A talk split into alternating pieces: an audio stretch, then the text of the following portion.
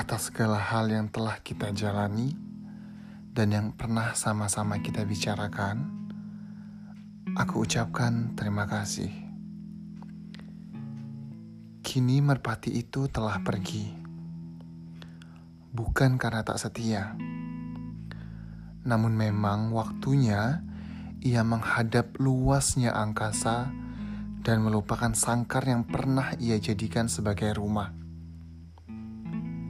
Sangkar itu kini terlihat sepi, mungkin juga rapuh.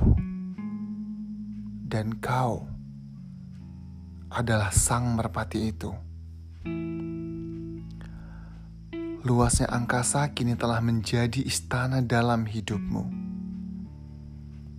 Maka, jangan sia-siakan apa yang kini kau miliki.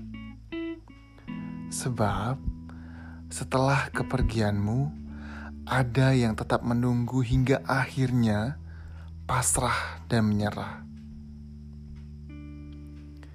Tapi tenanglah, ia menyerah tanpa rasa dendam ataupun benci yang parah. Ia hanya lelah jika harus menunggu hal yang sebenarnya ia tahu takkan pernah kembali. Teruntuk kamu merepati yang telah pergi.